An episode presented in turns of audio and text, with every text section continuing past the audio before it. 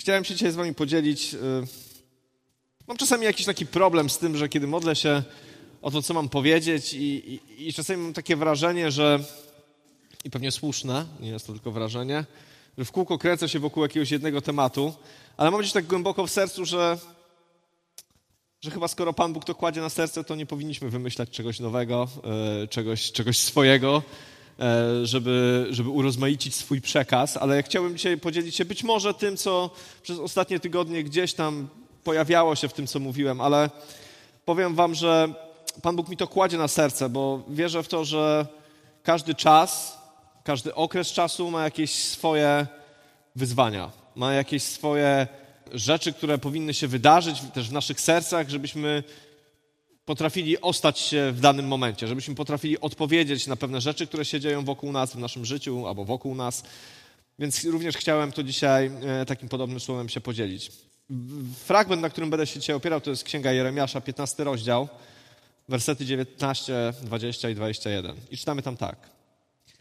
Tak odpowiedział mi Pan. Jeżeli Ty zawrócisz, to i ja, zawró- to i ja zwrócę się ku Tobie i staniesz przed moim obliczem. Jeśli wyłuskasz co cenne z tego, co pospolite, będziesz moimi ustami. Im wolno żyć tak jak ty, ale ty nie bądź taki jak oni. Bo uczyniłem cię dla tego ludu murem spiżowym, niezdobytym. Będą cię zwalczać, lecz nie przemogą, bo ja jestem z tobą, aby cię wybawiać i ratować, oświadcza Pan. I wyratuję cię z mocy niegodziwych, odzyskam z ręki okrutnych.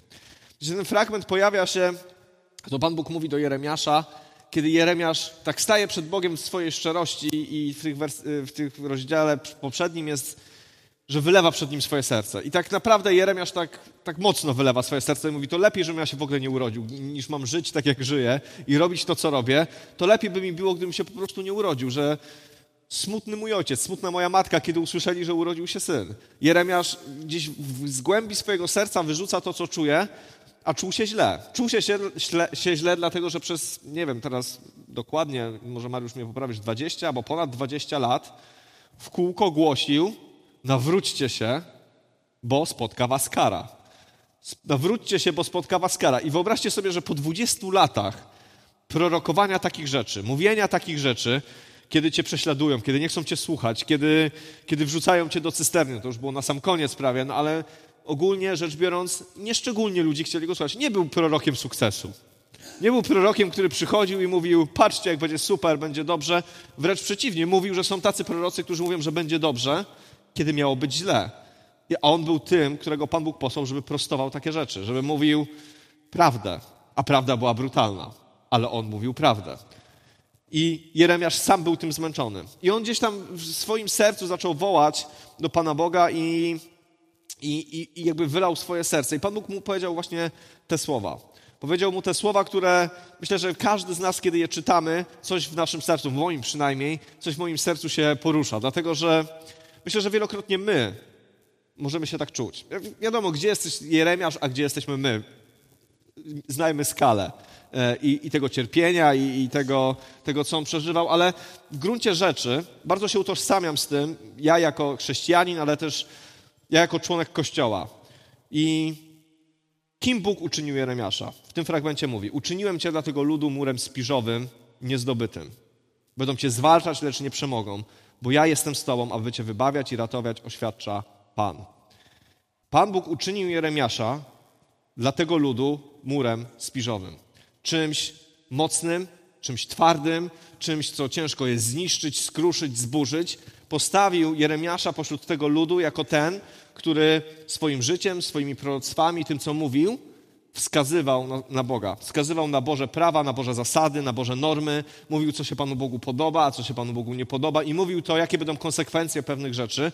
I Pan Bóg go uczynił murem spiżowym, niezdobytym. Uczynił z niego, jak sobie myślę o, o, o, o trwałych yy, budowlach, to mur obronny jest chyba taką budowlą, która jest średnio widowiskowa, czy jest bardzo widowiskowa, ale może nie jest szczególnie piękna i nie chodzi w niej o piękno, że ktoś spojrzy i powie, jaki piękny mur.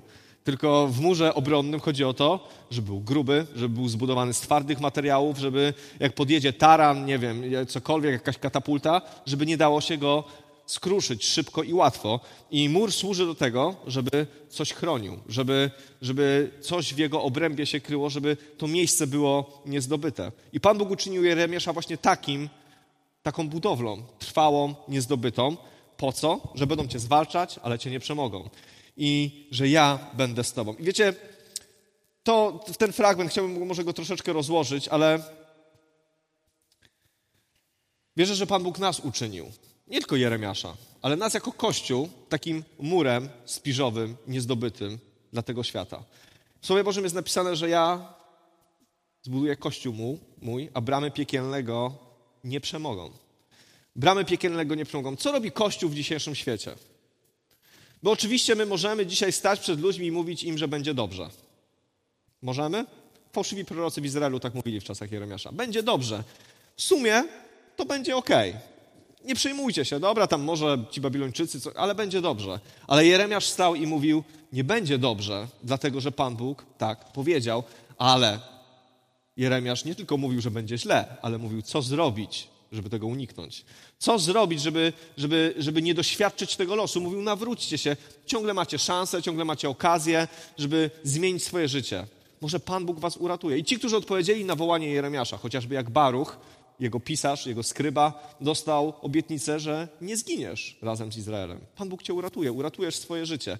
I wierzę, że również my dzisiaj, jako Kościół, jesteśmy w tym świecie postawieni tak jak Jeremiasz, jako mur spiżowy, niezdobyty, że będą nas zwalczać, lecz nie przemogą. Bo ja będę z wami. Bo ja będę z wami. My jesteśmy dzisiaj w tym świecie. Być może pełnimy taką funkcję, która nam się wcale nie podoba. Bo powiem wam zupełnie szczerze i wierzę w to głęboko i jestem przekonany o tym, że tak jest, że twoje życie z Bogiem jest solą w oku ludzi wokół ciebie. Jest solą w oku ludzi wokół ciebie. Jest dowodem na to, że jest Bóg. Jest dowodem na to, że jest wieczność. Twoje życie jest dowodem na to, że jest coś więcej niż tylko pieniądze, sława i realizowanie swoich ambicji, zaspokajanie swoich potrzeb. Twoje życie mówi o tym, że jest w życiu coś więcej. A dla wielu ludzi jest to po prostu niewygodna wiedza nieprzyjemna wiedza. W związku z tym mogą cię zwalczać, mogą cię odcinać, mogą nie chcieć mieć z tobą kontaktu, bo pobudzasz ich sumienie do aktywności. Sprawiasz, że zaczynają się zastanawiać, a nie wszyscy chcą się zastanawiać. I wierzę w to, że Bóg nas takimi uczynił. Ale w jaki sposób to uczynił? W jaki sposób Jeremiasz miał się stać tym, e, tym, tym murem spiżowym? Bóg powiedział do niego tak, jeżeli ty zawrócisz, to ja zwrócę się ku tobie. Jeżeli wyłuskasz to, co cenne z tego, co pospolite, to wtedy staniesz się murem spiżowym. I wierzę w to głęboko, że jest jakaś, jakiś moment decyzji w naszym życiu. Że tak jak mówiłem o tym, o tym ziarnie, o tych glebach na początku, to nie jest predestynacja, że urodziłeś się glebą ciernistą albo glebą e, skalistą. Że ciągle my decydujemy o tym, w jakim stanie jest nasze serce. Ciągle to my decydujemy o tym, czy się zwracamy ku Panu Bogu, i będziemy spełniać Jego powołanie, które jest włożone w nasze życie, albo my nie odwrócimy się, nie zwrócimy się w stronę Boga i nie będziemy mieli ochoty wyłuskiwać tego, co cenne, z tego, co pospolite, wtedy nie oszukujmy się. Nie jesteśmy murem spiżowym dla tego świata. Myślę, że musimy sobie powiedzieć pewne rzeczy wprost. Że jeżeli Pan Bóg mówi do Jeremiasza, jeżeli ty się zawrócisz, to ja zawrócę do ciebie. Nowy Testament mówi tak samo. Zwróćcie się do mnie, przybliżcie się do mnie, a ja zbliżę się do was. Zawołajcie do mnie, a ja do was przyjdę. Królestwo Boże i to wszystko, o czym dzisiaj mówimy, kim jesteśmy, tutaj jest, jest oparte na naszej wolnej woli. Na tym, że my chcemy, że my pragniemy, że my odpowiadamy na Boże wołanie. Pan Bóg dotyka naszego serca, wysyła sygnały do nas, pobudza nasze sumienie, otwiera nam oczy, tak jak śpiewaliśmy, widzimy Boże rzeczy, ale to później ostatecznie to nasza decyzja powoduje, czy albo się stajemy tym, kim powinniśmy się stać, albo nie. Bo my robimy krok w stronę Pana Boga wyłuskasz to, co cenne z tego, co pospolite. W ogóle słowo wyłuskać nie kojarzy mi się zbyt rozrywkowo. Nie wiem, czy wam się, jakby na przykład powiedział, że piątkowy wieczór spędzicie na wyłuskiwaniu. Co się w ogóle wyłuskuje? Jakiś, coś z ziarnami, nie wiem, jakiś tam... O, orzechy, tak? Będziesz wyłuskać orzechy przez cały piątkowy wieczór i przez całą sobotę. Będziesz łuskał. Można sobie coś puścić, jak ktoś lubi albo jest zmęczony, to sobie połuska, ale łuskanie wydaje się być czymś dosyć żmudnym. Grzebaniem, wytężaniem wzroku, wyłapywaniem czegoś. Wyobrażam sobie, że, znaczy wyobrażam sobie, że łuskanie polega na tym, że masz mnóstwo rzeczy a musisz tam znaleźć tą jedną, jakąś ważną, istotną. Może nie będę w to brnął, bo nie znam się na łuskaniu. Ale wydaje mi się to dosyć żmudne. Dosyć żmudne. Jeżeli to zrobisz, to będziesz moimi ustami. To będziesz tym murem spiżowym. To będziesz tym, który, którego będą atakować, co prawda, którego będą zwalczać, ale nie zwalczą. I Boża obietnica mówi dalej.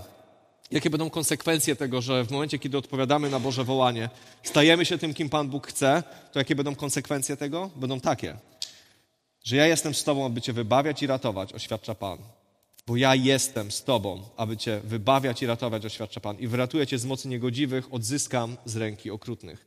Boża obietnica mówi tak, że Pan Bóg nie powołuje nas do tego, żebyśmy stali się kimś, a później nas zostawia samych że stań się dla mnie kimś y, ważnym, istotnym. Bądź dla mnie tym heroldem sprawiedliwości. Bądź dla mnie tym, który będzie dzisiaj głosił w tym świecie i swoim życiem objawiał, że Jezus zmartwychwstał, ale radź sobie sam. Nie, Jezus mówi, że konsekwencją będzie to, że On będzie z nami, żeby nas wybawiać i żeby nas ratować. I jest to wspaniała Boża obietnica. Że Pan Bóg nam nie mówi, wiecie co, stańcie się kimś, znoście zniewagi, niech wam będzie trudno i ciężko i jakoś sobie poradzicie. Zepniecie się w sobie, ale Pan Bóg mówi nie. Będzie ciężko i będzie trudno, ale ja jestem z wami. I ostatecznie to ja was uratuję i ostatecznie to ja sprawiam, że jesteście tym murem spiżowym, twardym i nie do zdobycia. Ja się zastanawiam nad tym, bo taką cechą, która jest dla mnie ważna i o której chcę dzisiaj mówić, w naszym życiu dzisiaj chrześcijańskim, spośród wielu różnych rzeczy, bo wiadomo, chrześcijaństwo nie jest taką zero-jedynkową sprawą, że są, jest tylko kilka aspektów, ale to, co mnie dotyka, to, co jest dla mnie ważne i to, co ostatnio widzę, że powinienem budować w swoim życiu, to jest pewnego rodzaju stabilność, pewnego rodzaju trwałość. Tak jak ten mur spiżowy. Wiecie, nie bez, nie bez powodu przeczytałem ten fragment, dlatego że to mur kojarzy mi się z czymś trudnym do zdobycia, z czymś niesamowicie solidnym.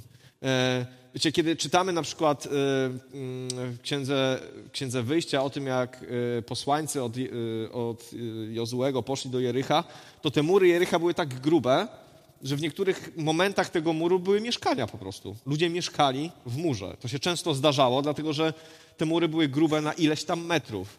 I w niektórych momentach, tam gdzie on nie musiał być tak silny, tak twardy, po prostu były wydrążone mieszkania. Ludzie tam mieszkali, to były potężne, solidne budowle, które niełatwo było zburzyć. I, i kiedy Izrael przyszedł pod to Jericho, i myślę, że gdyby nie Boża obietnica i nie Boży plan, to oni by sobie tam chodzili i by sobie stukali tymi swoimi e, pustynnymi jakimiś dzidami w ten mur i nigdy by go nie zburzyli prawdopodobnie, dlatego że to była przeszkoda bardzo trudna do zburzenia. Trzeba było być niesamowitym profesjonalistą, takim Asyryjczykiem chociażby, z taranami, z wielkimi budowlami, z jakimiś rampami, żeby skruszyć mur, bo on był jedną z najsolidniejszych budowli. I myślę, że dzisiaj Pan Bóg jakby opomina się w moim życiu o to, ale też chcę się tym podzielić z Wami, o pewnego rodzaju stabilność duchową w naszym życiu, o solidność naszą, którą mamy.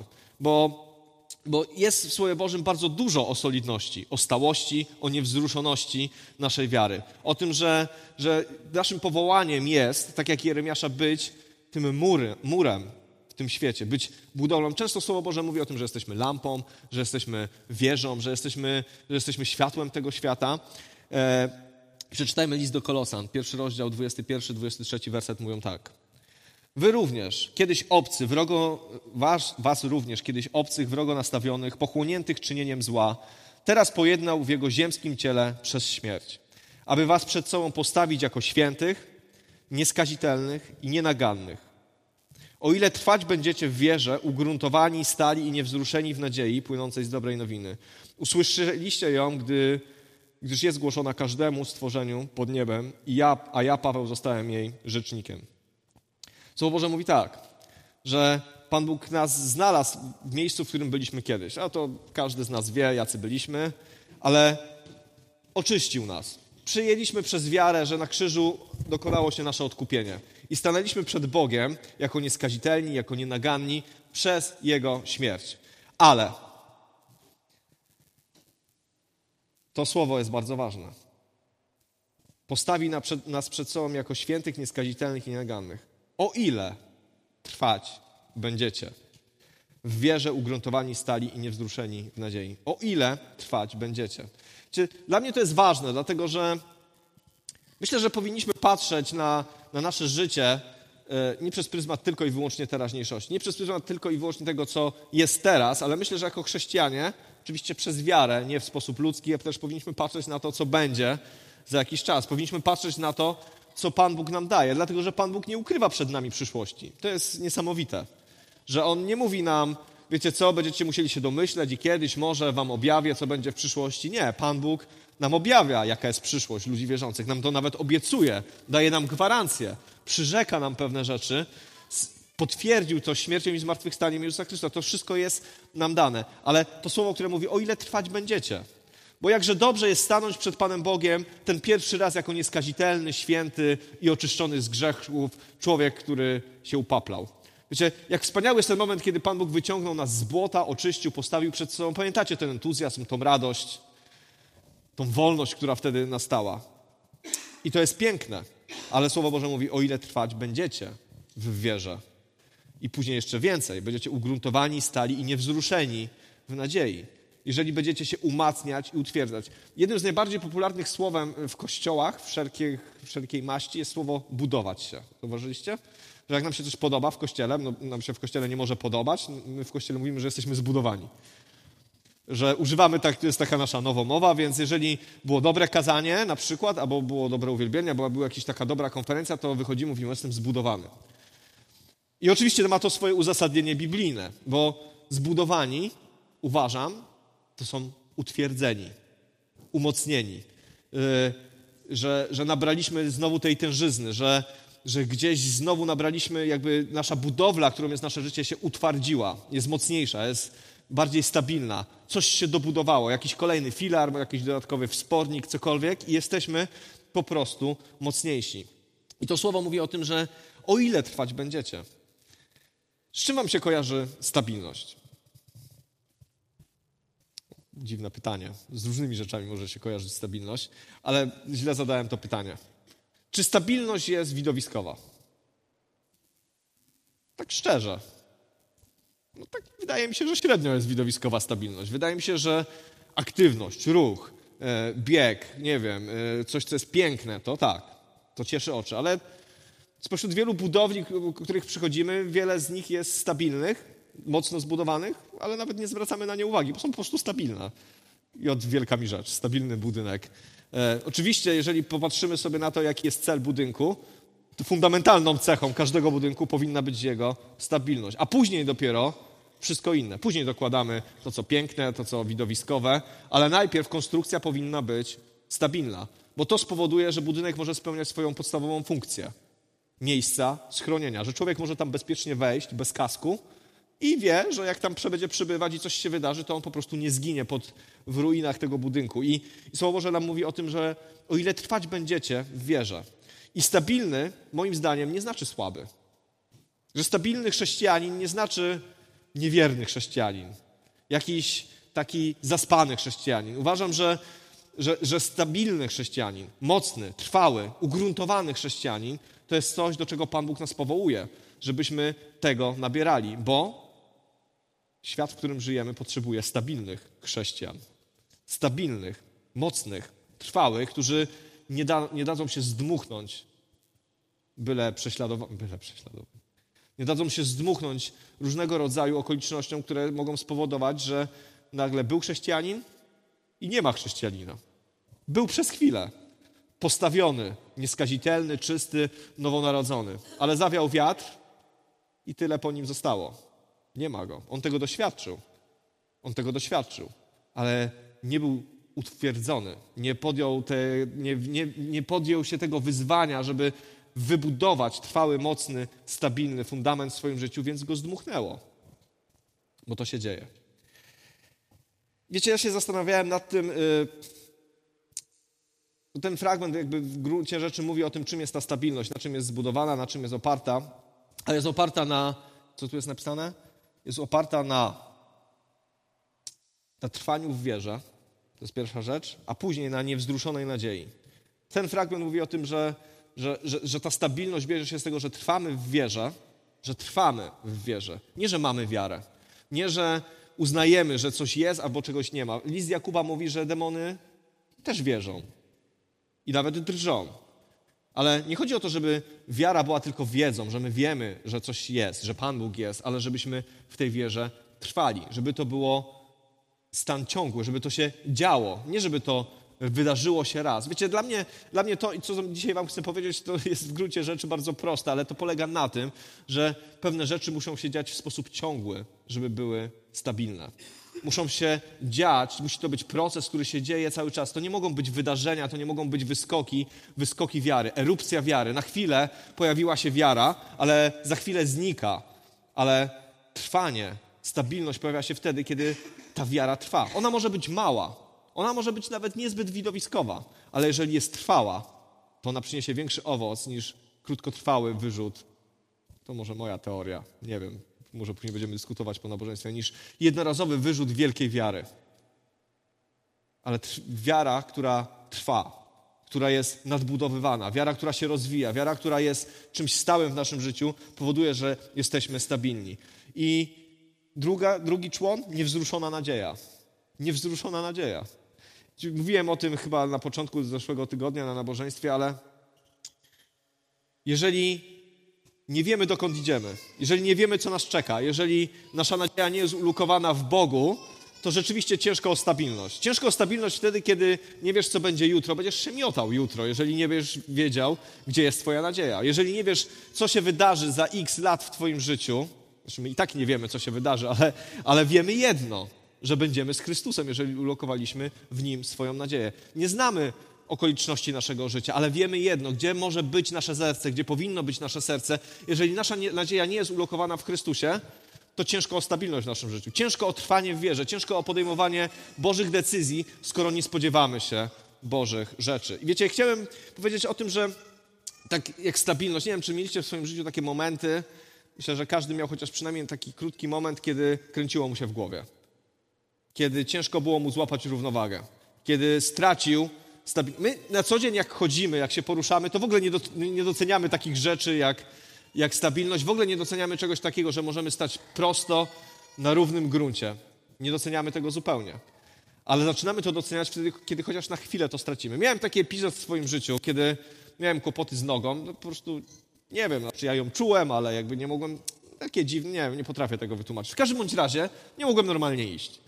I przyzwyczajony przez całe życie, że sobie biegnę kiedy chcę i robię wszystko, co chcę, jestem sprawny, zdarzenie się z tym, że próbuję wstać i przejść się 30 metrów do sklepu i muszę się cały czas o coś podpierać, było dla mnie czymś wręcz irracjonalnym. Nie potrafiłem jakby się z tym pogodzić. Zacząłem doceniać, jak to cudownie jest chodzić równo, prosto, a nie o coś się podpierać. I być może to jest taka zwykła rzecz, ale chciałem wam powiedzieć, że że, że to jest niesamowicie ważne w naszym życiu. Jest wiele sportów, ja lubię sport, y, interesuję się sportem, gdzie, e, gdzie takie rzeczy jak praca nóg, jak stabilność, jak właściwe ułożenie nóg jest ekstremalnie ważne. W koszykówce, e, nie wiem, w siatkówce, w piłce nożnej.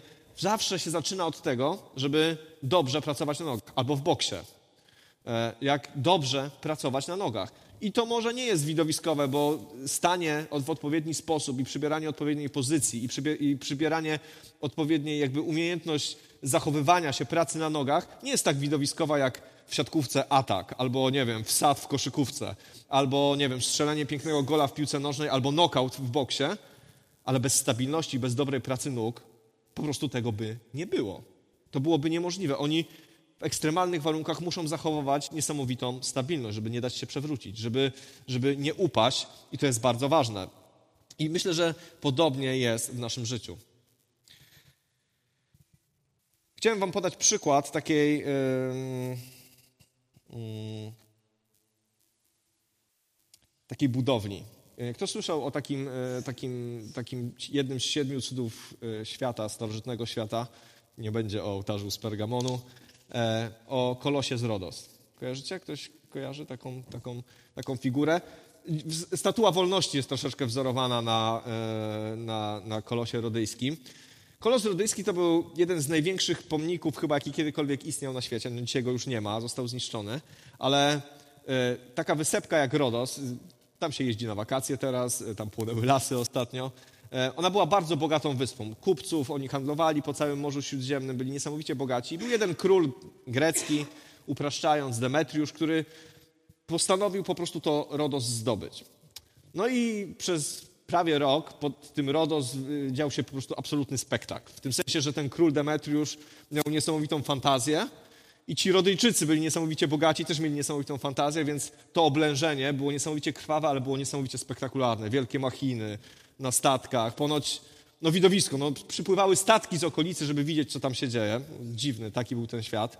Ale wielkie, potężne oblężenie. Przez rok próbowali zdobyć tą wysepkę, to Rodos, walczyli z tym, z tą wysepką, ale ta dzielna wysepka się broniła przed tym wielkim królem i ostatecznie ten król musiał się wycofać. I te wszystkie machiny oblężnicze, które tam zostawił, te wszystkie tarany, te wszystkie wielkie rzeczy, po prostu no, ciężko było to przetransportować na statkach, więc to po prostu zostawił. I ta wysepka Rodos postanowiła, że z tych właśnie e, taranów, z tych machin oblężniczych zbuduje wielki posąg na jako symbol swojego wielkiego zwycięstwa. Daliśmy radę. Przypłynął Demetriusz, nie dał rady, my go odparliśmy, to jest nasz największy sukces i zbudowali coś, co się nazywało Kolosem Rodyjskim.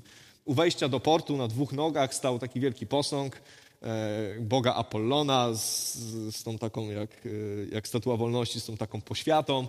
Trzymał w ręku pochodnie i był takim symbolem potęgi tej wyspy, tej Rodos.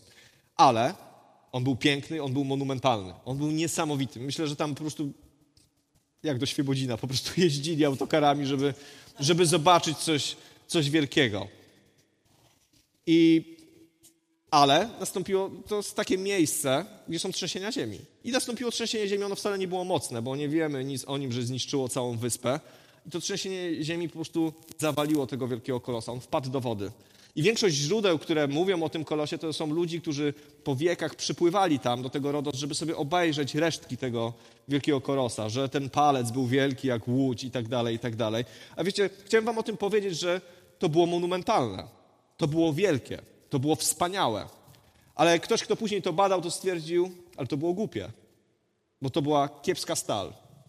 Bo to były kiepskie materiały. Bo to były rzeczy, które wiadomo było, że nie wytrzymają. Konstrukcja była taka, że jak wielki kolos stoi w miejscu, gdzie są trzęsienia ziemi, to wyobraźnia mówi, że to się po prostu zawali, ale oni to jednak zbudowali. I dzisiaj zachwycamy się, albo w starożytności ludzie zachwycali się nie tym, jak on wyglądał na żywo, bo bardzo krótko stał, ale zachwycają się jego ruinami. Zachwycają się tym, jak widowiskowo runął. I zachwycają się tym, kiedy oglądają go w wodzie, a kiedy można było sobie popatrzeć, gdzie leży głowa, gdzie leżą palce, bo to było ciężko wyciągnąć. Dopiero po setkach lat to wyciągnęli z wody. I dla mnie to jest jakiś taki, jakiś, taki, jakiś taki przykład tego, co możemy zrobić w naszym życiu. Że, że możemy stoczyć jakieś bitwy, jakieś walki, możemy, możemy coś zrobić w naszym życiu widowiskowo i na kanwie tego zbudować sobie jakiś posąg, zbudować sobie coś, co sprawi, że my poczujemy się dobrze, że to jest nasze życie, to są nasze decyzje, to jest coś, co my zbudowaliśmy, nasza walka, nasze, na, na, to jest dowód naszego zwycięstwa. Zbudować sobie taki pomnik. I, i oni sobie ten pomnik zbudowali, ale, ale on się nie obronił wobec prawdziwego życia.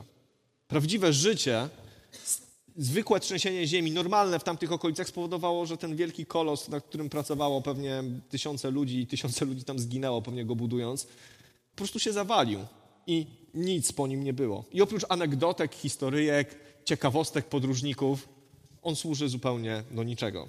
Gdzieś się zawalił. I wiecie, jakoś to do mnie bardzo dociera, dlatego że mam takie przekonanie, że, że, że czasami, będąc człowiekiem niestabilnym, nie inwestując w tą może mało widowiskową dziedzinę naszego życia chrześcijańskiego, w trwanie w wierze, w kultywowanie naszej nadziei, w przeglądanie się w Bożym Słowie, w patrzenie na to, jak nasze życie wygląda, dokąd zmierza, możemy budować piękne budowle, wspaniałe budowle, coś, co jest nasze, ale, ale to będzie niesamowicie nietrwałe. Dlatego, że Słowo Boże nam mówi, w słynnej, y, Jezus skończył ukazanie na górze historią o dwóch fundamentach i powiedział, że jeden zbudował na piasku, drugi zbudował na, na skalę. I w jednym i w drugim przypadku przyszły wichry i przyszły burze, i przyszły trzęsienia ziemi, i przyszły katastrofy, bo takie jest życie, bo taki jest świat. I ten na piasku się zawalił, ale ten na skalę stanął mocny i był bezpiecznym schronieniem. I Słowo Boże nam mówi o tym, żebyśmy byli ludźmi, którzy, którzy patrzą na to, jak bardzo jesteś stabilny jak bardzo Twoja wiara jest stabilna, na czym stoisz, na czym ona się opiera, czy rzeczywiście trwasz w wierze, czy masz wyrzuty wiary. takie erupcje wiary, takie chwilowe akcje, wzmożenia, konferencja, to, tamto, siam, to. Okej, okay, to jest wszystko dobre, bo to ma pobudzać naszą wiarę, ale pytanie jest, co się dzieje między tymi wyrzutami wiary. Czy jest trwanie, czy jest jakiś konstans, czy chociaż trochę to wszystko idzie w górę. Może powoli się wciąga, ale niech się wciąga do góry. Ale niech będzie jakaś stabilność w naszym życiu. Czy żyjesz nadzieją? Czy, czy patrząc na to wszystko, co się dzieje wokół, myślisz sobie, ojej, co to będzie, co to będzie, jak my przeżyjemy? Wiecie, ja miałem taki kryzys niedawno, ale wiem jedno, że wróciłem do Słowa Bożego i zbadałem, gdzie jest moja nadzieja. Sprawdziłem, gdzie jest moja nadzieja. I zobaczyłem, że okej, okay, jest lęk, jest niepokój, ale moja nadzieja nie jest w tym świecie. Moja nadzieja jest w Chrystusie. I wiem, dokąd zmierzam. I poczułem się stabilny. I moje życie nabrało stabilności. I moje życie y, stało się bardziej takie, jakby to powiedzieć, przyziemne. Stanąłem na faktach, stanąłem na tym, co jest istotne, stanąłem w wierze, w to, co wierzę, że to jest ważne, istotne, ale też również w nadziei, że wiem, dokąd zmierzam i że moje życie nie jest bezsensownym zlepkiem przypadkowych wydarzeń, ale jest czymś, co jest zaplanowane przez Boga i zmierza do pewnego, do pewnego celu. Słowo Boże mówi tak w liście Jakuba. Niech jednak prosi z wiarą, to jest o mądrości, ale myślę, że o wszystkim też yy, to może dotyczyć wszystkiego. Niech jednak prosi z wiarą, porzuci wątpliwości, bo człowiek, który wątpi, przypomina falę morską, gnaną i miotaną przez wiatr. Ktoś taki niech nie liczy, że coś od Pana otrzyma. Dlaczego? Że on sam nie wie, czego chce. Jest niestały w całym swoim postępowaniu.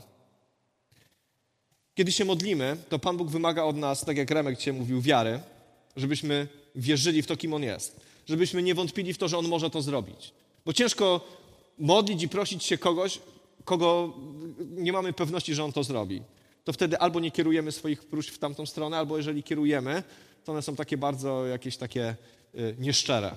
Słowo Boże mówi o tym, żebyśmy nie wątpili w to, że kiedy prosimy, to Pan Bóg zadziała, wykona swoją pracę. Wiecie, i tutaj jest przyrównanie do fali morskiej.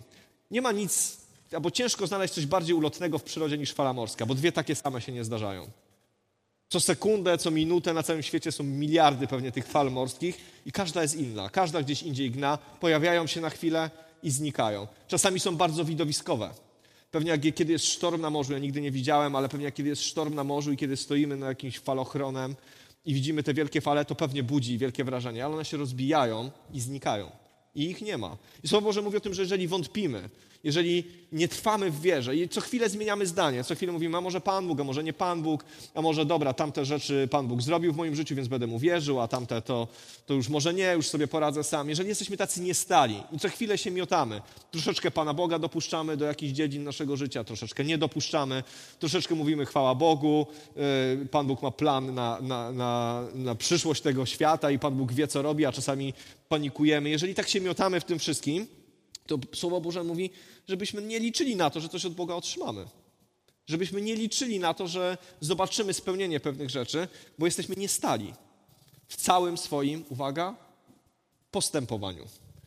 I to wszystko, o czym mówię, sprowadza się do czegoś takiego bardzo ważnego dla mnie osobiście, że w to, w co wierzymy, gdzie jest nasza nadzieja, yy, czy trwamy w wierze w Boże obietnice, czy w nich nie trwamy, to będzie rzutować na co? Na nasze postępowanie na nasze życie, na nasze zachowania, na nasze decyzje. One będą związane z tym, jak bardzo jesteśmy stabilni i stali w naszej wierze. Słowo Boże mówi, mówi tak. W liście do Koryntian. W 15 rozdziale, w pierwszym liście do Koryntian, w 15 rozdziale, 58 wersecie mówi tak. Dlatego bracia moi ukochani, bądźcie stali, niewzruszeni, wciąż tryskający poświęceniem w dziele Pana, pewni, że wasz trud nie jest daremny w Panu. Bądźcie stali i niewzruszeni. To jest zachęta Bożego Słowa. Do pierwszych chrześcijan zachęta była taka: bądźcie stali, wzrastajcie. Doświadczyliście czegoś, przeżyliście coś z Panem Bogiem, ale teraz się budujcie, wzrastajcie. Niech wasza wiara okrzepnie. Niech, niech to wszystko, co się dzieje w waszym życiu, stanie się mocne, stanie się stałe, stanie się, stanie się konkretne. A jeszcze później zachęca wciąż tryskający poświęceniem w dziele Pana.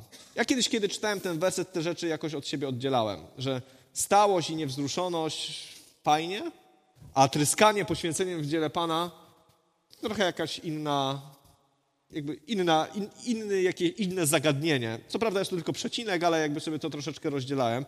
Ale tak sobie pomyślałem i, i spojrzałem na to uczciwie, na ten werset i rzeczywiście jest tak, że jeżeli wiemy, komu wierzymy, jeżeli wiemy, dokąd idziemy, jeżeli Nasza wiara wzrasta, bo poznajemy naszego Pana Boga. Jeżeli doświadczamy tego, czego doświadczał Jeremiasz, że On był z nim i go ratował i go chronił, to wtedy zaczynamy tryskać poświęceniem w dziele Pana, bo wiemy, jakie jest zaplecze, bo wiemy, po co to robimy, bo wiemy, że, że poświęcenie jest tego warte, bo nie robimy tego tak w ciemno, ale wiemy, z czego to wszystko wynika. Wiemy, że stoi za nami Bóg, który nas kocha, który nas, e, który nas oczyścił, który nas uświęcił, ale jednocześnie nasza wiara wzrasta i my wiemy, i my wiemy, że służyć Mu to radość. Tryskamy wtedy poświęceniem. To jest ciekawe sformułowanie.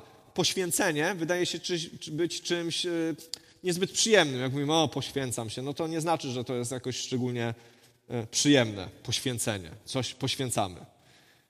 Ale tryskający poświęcenie. Tryskający, czyli wystrzeliwuje z nich wręcz poświęcenie. Jakby widzę w tym jakąś taką ochotę, jakąś taką radość, że oni chcą się poświęcać dla Pana. Bo dlaczego? Bo są stali i niewzruszeni. Bo już się nie gibają na boki. Bo już nie są ludźmi, którzy w kółko zmieniają zdanie. Już nie są ludźmi, którzy czasami wierzą, a czasami nie wierzą. Ugruntowali się, oddali swoje życie Panu Bogu, poświęcili swoje życie Bogu i wiedzą, że teraz najlepsze jest Mu służyć. Że poświęcenie dla Niego to rzecz dobra, przyjemna, która przynosi wspaniałe efekty. Dlatego, że już nie muszą się kolebać na boki. Dlatego, że już ich życie, ich energia nie, nie, nie marnuje się na to, żeby stać prosto. Żeby w kółko się zastanawiać, czy się przechylę, czy się nie przechylę. Czy będzie tak, czy będzie śmak. Nie, oni już wiedzą, jak będzie i wiedzą, jak jest. Dlatego są gotowi, żeby służyć Panu Bogu. Dlatego tryskają poświęceniem dla Boga, bo są stali, bo są niewzruszeni.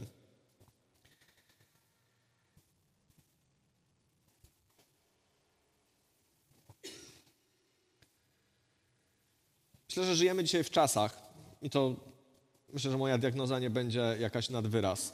Żyjemy dzisiaj w czasach, w których budujemy szybko, żyjemy szybko, myślimy szybko, szybko podejmujemy decyzje. Świat jest szybki. Przepływ informacji jest szybki. Kiedyś, żeby dowiedzieć się o tym, co się dzisiaj dzieje w Izraelu, czekalibyśmy pewnie z pół roku, zanim ktoś wsiadł do łódki w Izraelu, przepłynął gdzieś do jakiegoś, do Włoch, przez Włochy po każdym mieście przejechał, powiedział, co się dzieje i w końcu może po trzech miesiącach dojechałby nad wybrzeża Bałtyku, żeby powiedzieć, co się dzieje w Izraelu. Zajęłoby to mnóstwo czasu i pewnie kiedy dotarłaby do nas ta informacja, już dawno by się zdeaktualizowała. Ale dzisiaj odpalamy telefon i w mgnieniu oka widzimy, co się dzieje. Mamy transmisję na żywo. Szybko dowiadujemy się, co się dzieje, ale też szybko zaczynamy żyć. I myślę, że szybko zaczynamy żyć, wtedy szybko budujemy. Tak sobie myślę, że y, jest takie, takie sformułowanie dzisiaj, tak się mówi, patodeweloperka.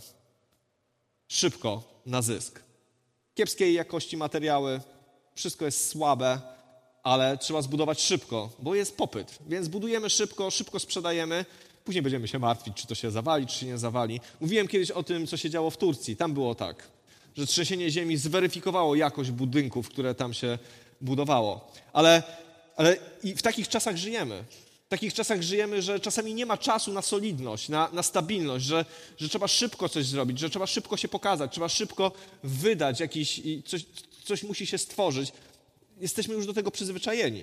Żyjemy w takiej kulturze i ta kultura nas przenika. My również zaczynamy tak myśleć i funkcjonować.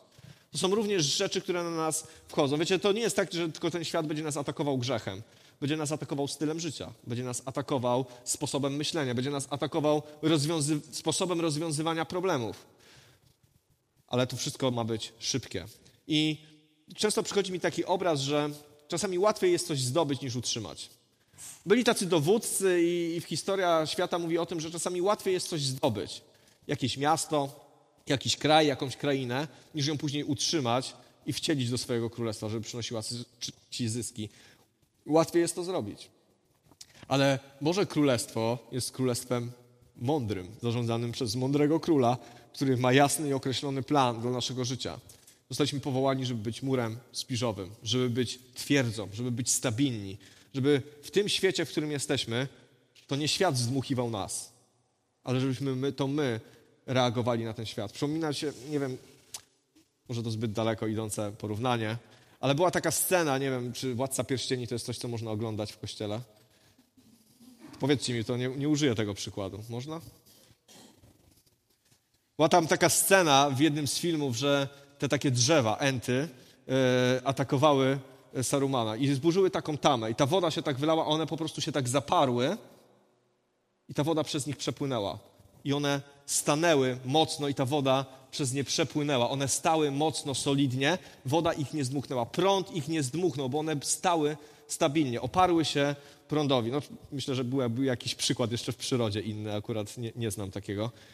Wiecie, i tak sobie myślę, że dlaczego mówię o tej stabilności? Mówię dlatego o tym, że ten świat będzie cię próbował zdmuchnąć. Nurt tego świata, mentalność tego świata, e, sposób myślenia, to wszystko będzie chciało nas zdmuchnąć jako chrześcijan. Będzie chciało nas porwać wraz z prądem tego świata, zmienić nasze myślenie, zmienić nasze podejście. I albo my damy się zerwać, kiedy ta tama się zerwie i my popłyniemy razem z tym, bo nie będziemy stabilni, po prostu popłyniemy. Popłyniemy sobie bo ten domek, to co zbudujemy, będzie, będzie słabe. Może nastąpić trzęsienie ziemi w Twoim życiu i wszystko zadga i nagle się okaże, jak bardzo stabilne jest Twoje życie. Ale uważam, że to nie jest kwestia, czy takie rzeczy nastaną, tylko kiedy one nastaną.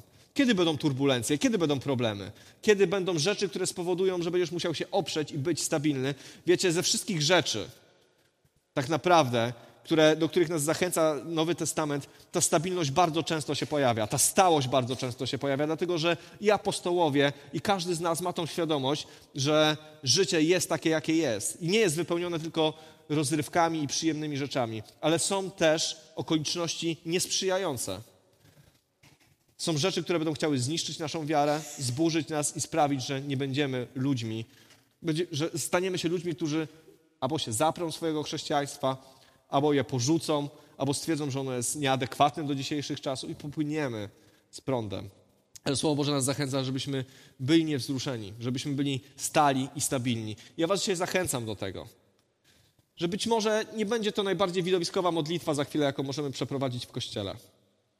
Ale chciałbym, żebyśmy się dzisiaj zastanowili, żebyś ty się dzisiaj zastanowił i żebym ja się dzisiaj też zastanowił nad tym, tak naprawdę na czym stoimy na czym się opieramy? Czy, czy Twoje i moje chrześcijaństwo, czy Twoje i moje podążanie za Chrystusem jest stabilne, jest mocne? Czy, czy dzisiaj, kiedy czytasz wiadomości, kiedy, kiedy słyszysz jakieś dyskusje, kiedy słyszysz jakieś różne rozważania na temat Boga albo, nie wiem, współczesności, to czujesz, że usuwać się grunt pod nogami. To czujesz, że nagle zastanawiasz się, czy to naprawdę jest to. Czy dzisiaj masz taką silną wiarę i takie przekonanie, czy Twoja wiara jest tak trwała i mocna, a Twoja nadzieja tak mocno ulokowana w Chrystusie, że, że czujesz, że możesz stać mocno, że, że Ciebie to nie zdmuchnie, że słuchasz tych rzeczy, okay, one przepływają przez Ciebie, ale Cię omijają. Te fale rozbijają się o Ciebie, o ten mur, którym jesteś. Bo wierzę w to, że nie będziemy żadnym świadectwem dla tego świata i żadnym zbudowaniem dla tego świata, jeżeli razem z Nim popłyniemy. Jeżeli razem z Nim damy się zerwać powodzi, która nadchodzi. Jeżeli nasza wiara będzie tak słaba, tak licha, że kiedy przyjdą problemy, kiedy przyjdą jakieś prześladowania, kiedy przyjmą, przyjdą różnego rodzaju oszczerstwa związane z naszą wiarą, to my się po prostu poddamy i powiemy: Dobra, to ja nie jestem jednak chrześcijaninem. Ale mówię to nie dlatego, że, że chcę to trywializować, ale dlatego, że naprawdę ja staram się śledzić, co się dzieje na świecie. I czas, żebyśmy przestali się oszukiwać, że będzie lepiej, bo nie będzie lepiej. Bo presja będzie się wzmagać na nas bo fale będą coraz większe, bo oskarżenia będą coraz większe i w oczach świata będziemy coraz większym ciemnogrodem, uwierzcie mi. I będziemy musieli się ostać i wyjdzie nasza stabilność. I może ornamenty, freski i piękne, jakieś skomplikowane rzeczy, które możemy sobie wybudować na budynku naszego życia, po prostu runą. Albo powiem inaczej, może one nawet nie będą istotne, bo będzie liczył się fundament będzie liczyła się konstrukcja, będzie się liczyło to, na czym jesteś zbudowany. Czy stoisz solidnie i mocno w Chrystusie, czy Twoja wiara jest mocna i czy Twoja nadzieja jest w dobrym miejscu ulokowana. To się będzie liczyło. I możemy się oszukiwać, że, że to nie w moim życiu. Mamy przykład wielu dziesiątek osób z naszego kościoła, których zdmuchnęło, których prąd porwał, których nie ma pośród nas i płaczemy i modlimy się w poniedziałki o te osoby. To się dzieje. Słowo Boże mówi o tym, że ten, kto stoi, niechaj baczy, żeby nie upadł. Jedno jest pewne, że jeżeli tak, jak czytaliśmy w księdze Jeremiasza, jeżeli ty zawrócisz, to ja zawrócę ku tobie i staniesz przed moim obliczem. Jeśli wyłuskasz, to, co cenne z tego, co pospolite, będziesz moimi ustami. Im wolno zacząć żyć tak jak ty, ale ty nie bądź tak jak oni. Bo uczyniłem cię dla tego ludu murem spiżowym, niezdobytym. Będą cię zwalczać, lecz nie przemogą, bo ja jestem z tobą, aby cię wybawiać i ratować, oświadcza Pan. To jest nasze powołanie. Nie wiem, czego oczekujesz i czego pragniesz od swojego życia bardziej szczegółowo, ale wierzę, że jest powołanie uniwersalne dla każdego z nas.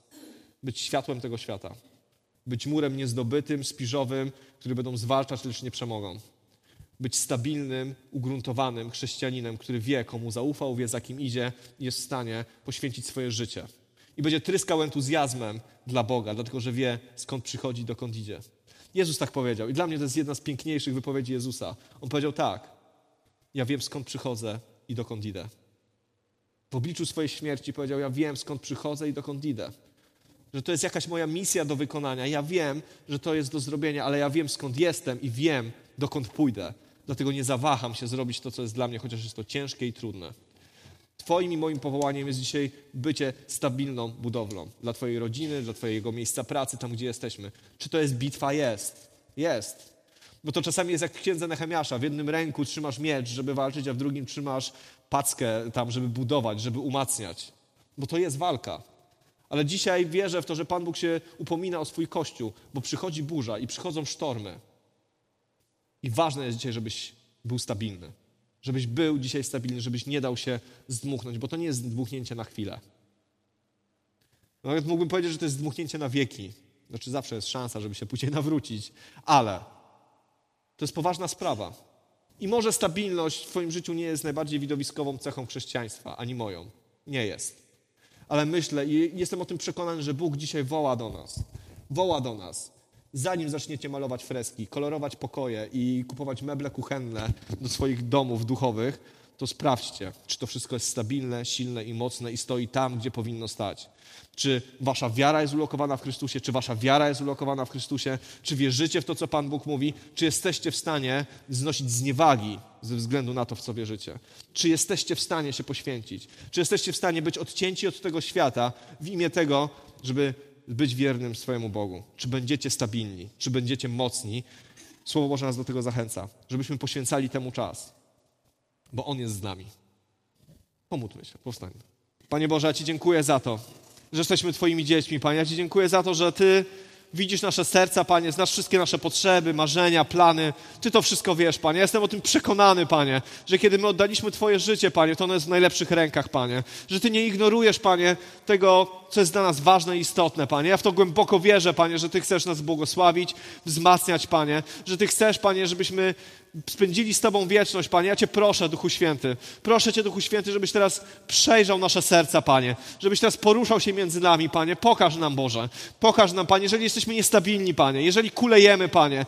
Jeżeli jesteśmy zbudowani na piasku, Panie, to proszę Cię teraz, Panie, w imieniu Jezusa Chrystusa, przyjdź, Duchu Święty, Panie, i przemawiaj do nas, Panie. I pokazuj nam, Boże, jaki jest stan naszej wiary, Panie. Gdzie jest nasza nadzieja, Panie. Gdzie, Panie, pokładamy swoją ufność, Panie. Proszę Cię o to, żebyś dzisiaj do nas mówił, Panie bo nie chcemy budować czegoś, co się zawali, Panie, i zostanie zdmuchnięte, Panie, przez pierwszą, lepszą okoliczność, Panie, ale chcemy być mocni w Tobie, Panie. Mocni w Tobie, Panie, żeby świadczyć o Tobie, Panie, żeby pokazywać naszym życiem, naszym postępowaniem, że Ty jesteś Bogiem, Panie. Prosimy Cię o to, Duchu Święty, żebyś Ty teraz przenikał nasze serca. Panie, tak bardzo Cię potrzebujemy, tak bardzo ja Ciebie potrzebuję, Panie.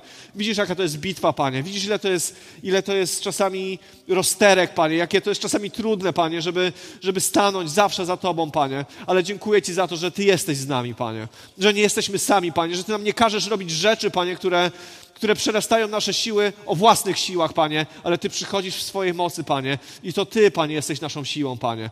To Ty, Panie, sprawiasz, że nasza wiara rośnie, Panie, bo jesteś dawcą naszej wiary, Panie. Że to Ty sprawiasz, Panie, że objawiasz nam nadzieję, Panie, która jest w Tobie. Dziękuję Ci za to, że Ty przychodzisz, Panie, żeby nas umacniać i budować, Panie. Żebyśmy byli ludźmi mocnymi i ugruntowanymi w Tobie, Panie. Niezależnie od tego, co będzie jutro, pojutrze, za tydzień, za miesiąc, za rok, Panie. Ale żebyśmy trwali, Panie, w Tobie, Boże. Dziękuję Ci za to, że dałeś obietnicę że dałeś obietnicę, Panie, że będą Cię zwalczać, lecz nie przemogą, Panie. Dziękuję Ci za to, że, że to jest dla nas, Panie, że Ty jesteś naszą tarczą, Panie i że kiedy jesteśmy w Tobie, Panie, to jesteśmy niepokonani, Boże. Kiedy jesteśmy w Tobie, Panie, to nic nas nie wyrwie z Twoich rąk, Panie. Dziękuję Ci za to, że Ty jesteś zwycięstwem, Boże i że w Tobie mamy wszystko, Panie, co jest potrzebne do życia i pobożności, Panie. Dlatego proszę Cię, Panie, żebyś zwrócił dzisiaj nasze serca, Panie, żebyśmy my zawrócili do Ciebie, Panie, żebyśmy wyłuskali, Panie, to, co cenne, Panie, z tego, co pospolite, Panie, Panie, żebyśmy dzisiaj, Panie, poświęcili swój czas i energię na to, Boże, żeby szukać Ciebie, Panie, żeby zbudować to, Panie, co spowoduje, Panie, że w czasach trudnych, Panie, ostaniemy się, Boże. Tak bardzo Cię o to proszę, Boże, w imieniu Jezusa Chrystusa. Uwielbiamy Ciebie i wywyższamy, Panie. Prosimy Cię o ten tydzień, który przed nami. Nie wiemy, co nas spotka, Panie, ale prosimy Cię o Twoje błogosławieństwo, Panie. Wierzymy w Twoje błogosławieństwo, Panie. Wierzymy w to, że będziesz z nami w naszych pracach, w naszych szkołach, Panie, gdziekolwiek będziemy, cokolwiek będziemy robić, Panie. Dziękuję Ci za to, że będziesz z nami, Boże. Będziesz do nas mówił, będziesz nas pouczał, będziesz nas prowadził, będziesz nas pocieszał, Boże. Dziękujemy Ci za to. Oddajemy Tobie chwałę, Boże. I dziękujemy Ci za to, że masz dla nas najlepsze rzeczy, Boże. Że Ty jesteś naszym Bogiem, Panie. Tobie oddajemy chwałę. W imieniu Jezusa Chrystusa. Amen.